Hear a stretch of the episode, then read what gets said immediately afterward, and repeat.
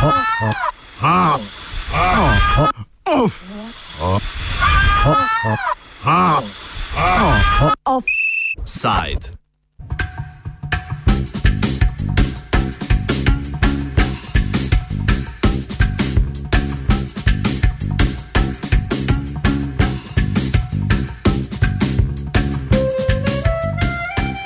Stroški zavarovane informacije javnega značaja.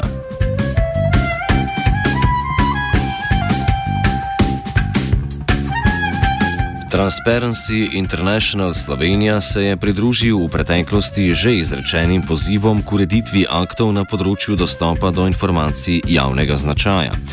Kot ugotavljajo pri Transparency International, so stroški posredovanja nekaterih informacij previsoki, prestopki oziroma postopki predolgi, krok zavezancev pa preozek. Kako v praksi deluje zakon o dostopu do informacij javnega značaja, pojasni predstavnica organizacije Anja Rupret.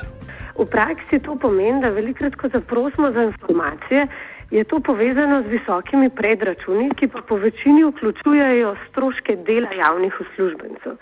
Pri tem verjetno ni potrebno še enkrat podariti, da so javni službenci iz javnega proračuna za to že plačani in da bi bili po plačilu naših računov tako plačani dvakrat. In v praksi pa to ne mogoča v bistvu učinkovit dostop, saj se mnogi prosilci zaradi visokih računov oziroma predračunov odločijo od zahteve odstopiti oziroma odnehati, kar oslabi v bistvu dostop oziroma učinkovit nadzor državljanom, državljanov nadaljovanjem javne uprave oziroma države kot take. Eh, drugi problem, s katerim se tudi srečujemo, je, da v primeru, ko odstopimo od uh, zahteve, javni organi oziroma zavezanci po dostopu do informacij ne ustavijo postopkov s sklepom oziroma ne nudijo ustreznega pravnega povuka, po katerem bi si državljani oziroma drugi prosilci lahko ustrezno seznanili s tem, kakšno, kakšen postopek naj vodijo naprej, torej naj se pritožijo Eh, proti molku organa, k informacijski povlaščenki in tako dalje. Informacijski pooblaščenec je v preteklosti takisto opozoril na zaračunavanje delovnih ur državnih uradnikov in ne le materialnih stroškov ob zbiranju podatkov javnega značaja. Namestnica pooblaščenca Kristina Kotnik Šumah ponazori problem zaračunavanja delovnih ur.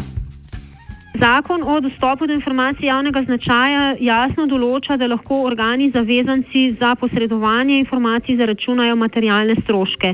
To ni sporno, vendar se nam zdi nesistemsko, da se med te materialne stroške zaračunavajo tudi stroški uh, urnih postavk posameznih javnih uslužbencev, ki konkreten recimo, postopek ali pa izvedbo delnega dostopa na, na dokumentih vodijo. To recimo konkretno pomeni, da organ zaračuna tri ure dela za pripravo delnega dostopa. Delni dostop pomeni, da je v nekih dokumentih potrebno izbrisati varovane osebne podatke.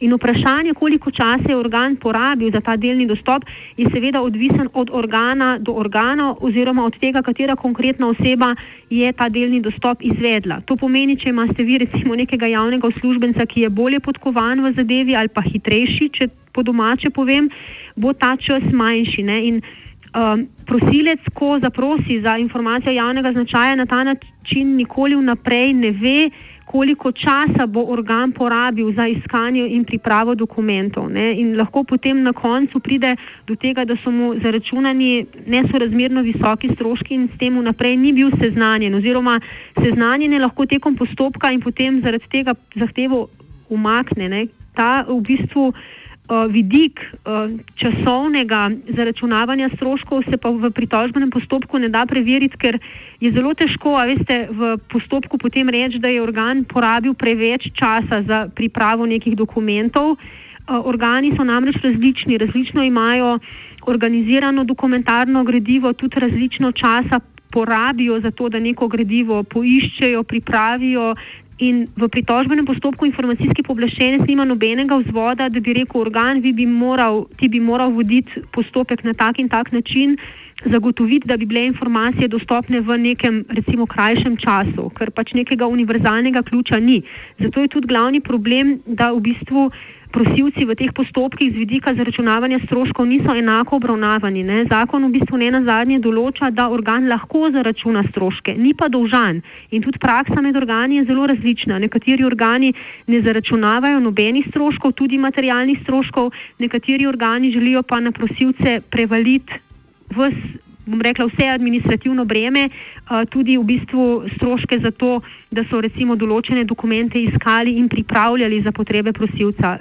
Povlaščenec je imel recimo v postopku en primer, ko je eno izmed ministrstev prosilcu zaračunalo za 11 ur iskanja za nek dokument, ki ga na koncu sploh ni našlo. Ne. To je v bistvu čist ne, ne, ne sistemska in ne bom rekla tudi nezakonita praksa. Kotnik Šumah pojasni, da problem zaračunavanja stroškov dela izhaja iz neskladnosti med zakonom in podzakonskim aktom. Problem je v tem, da zakon določa, da se lahko zaračunajo materialni stroški. Uredba, ki je bila sprejeta na podlagi zakona o dostopu do informacij javnega značaja, gre za uredbo o posredovanju in ponovni uporabi informacij javnega značaja, pa določa, da lahko organi zaračunajo tudi stroške dela javnih uslužbencev. In tukaj je problem v tej v bistvu uredbi, v podzakonskem aktu. Tako da mi v bistvu pričakujemo od resornega ministrstva, da bojo to ureditev spremenili. Tukaj ne gre za to, da bi zakon določal, da se lahko zaračunavajo stroški dela, ampak je to v bistvu dopustila eh, uredba kot podzakonski akt. Transparency International Slovenija je opozoril, da kar 33 odstotkov prosilcev odstopi od zahteve po dostopu do informacij javnega značaja, ker mu pristojni državni organ zaračuna tudi. Za računu, ali pa tudi to zakon omogoča, previsok predujem za informacijo. Nadaljuje kotnih, kotnik Šumah, ki pravi, da je problem zakona, da stroške oziroma postopkovno uh, zaračunavanje stroškov ne ureja v okviru samega postopka, ampak določa, da če stroški presežejo 83 evrov, da lahko organ od prosilca zahteva predujem. In v takem primeru je predujem, predujem neke vrste procesni sklep, na katerega prosilec nima posebne pravice do pritožbe In če prosilec tega predujma ne plača, bi moral organ zavezanec izdati sklep o ustavitvi postopka. V praksi pa očitno prihaja do primerov, da organi zavezanci takšnega sklepa ne izdajo in posledično prosilec nima pravice do pritožbe. Če vi nimate nekega akta, s katerim se postopek zaključi, namreč tudi nimate pravnega sredstva zopr ta akt. Uh, in v bistvu po podatkih, ki, ki jih je danes predstavila Transparency International, bi kar 33% prosilcev v takih primerjih potem odstopilo od zahteve za dostop do informacij javnega značaja, enostavno zato, ker niso seznanjeni s tem, da ne glede na to, da zopr predujem ni posebne pritožbe, morajo pa ustrajati, da organ izda sklep o ustavitvi postopka in zopr tak sklep pa je pritožba na informacijskega poblaščenca. Tudi če organ ne izda tega sklepa, se prosilci lahko pritožijo k informacijskemu povlaščencu zaradi tako imenovanega molka organa in ustrajajo, da se tak sklep izda.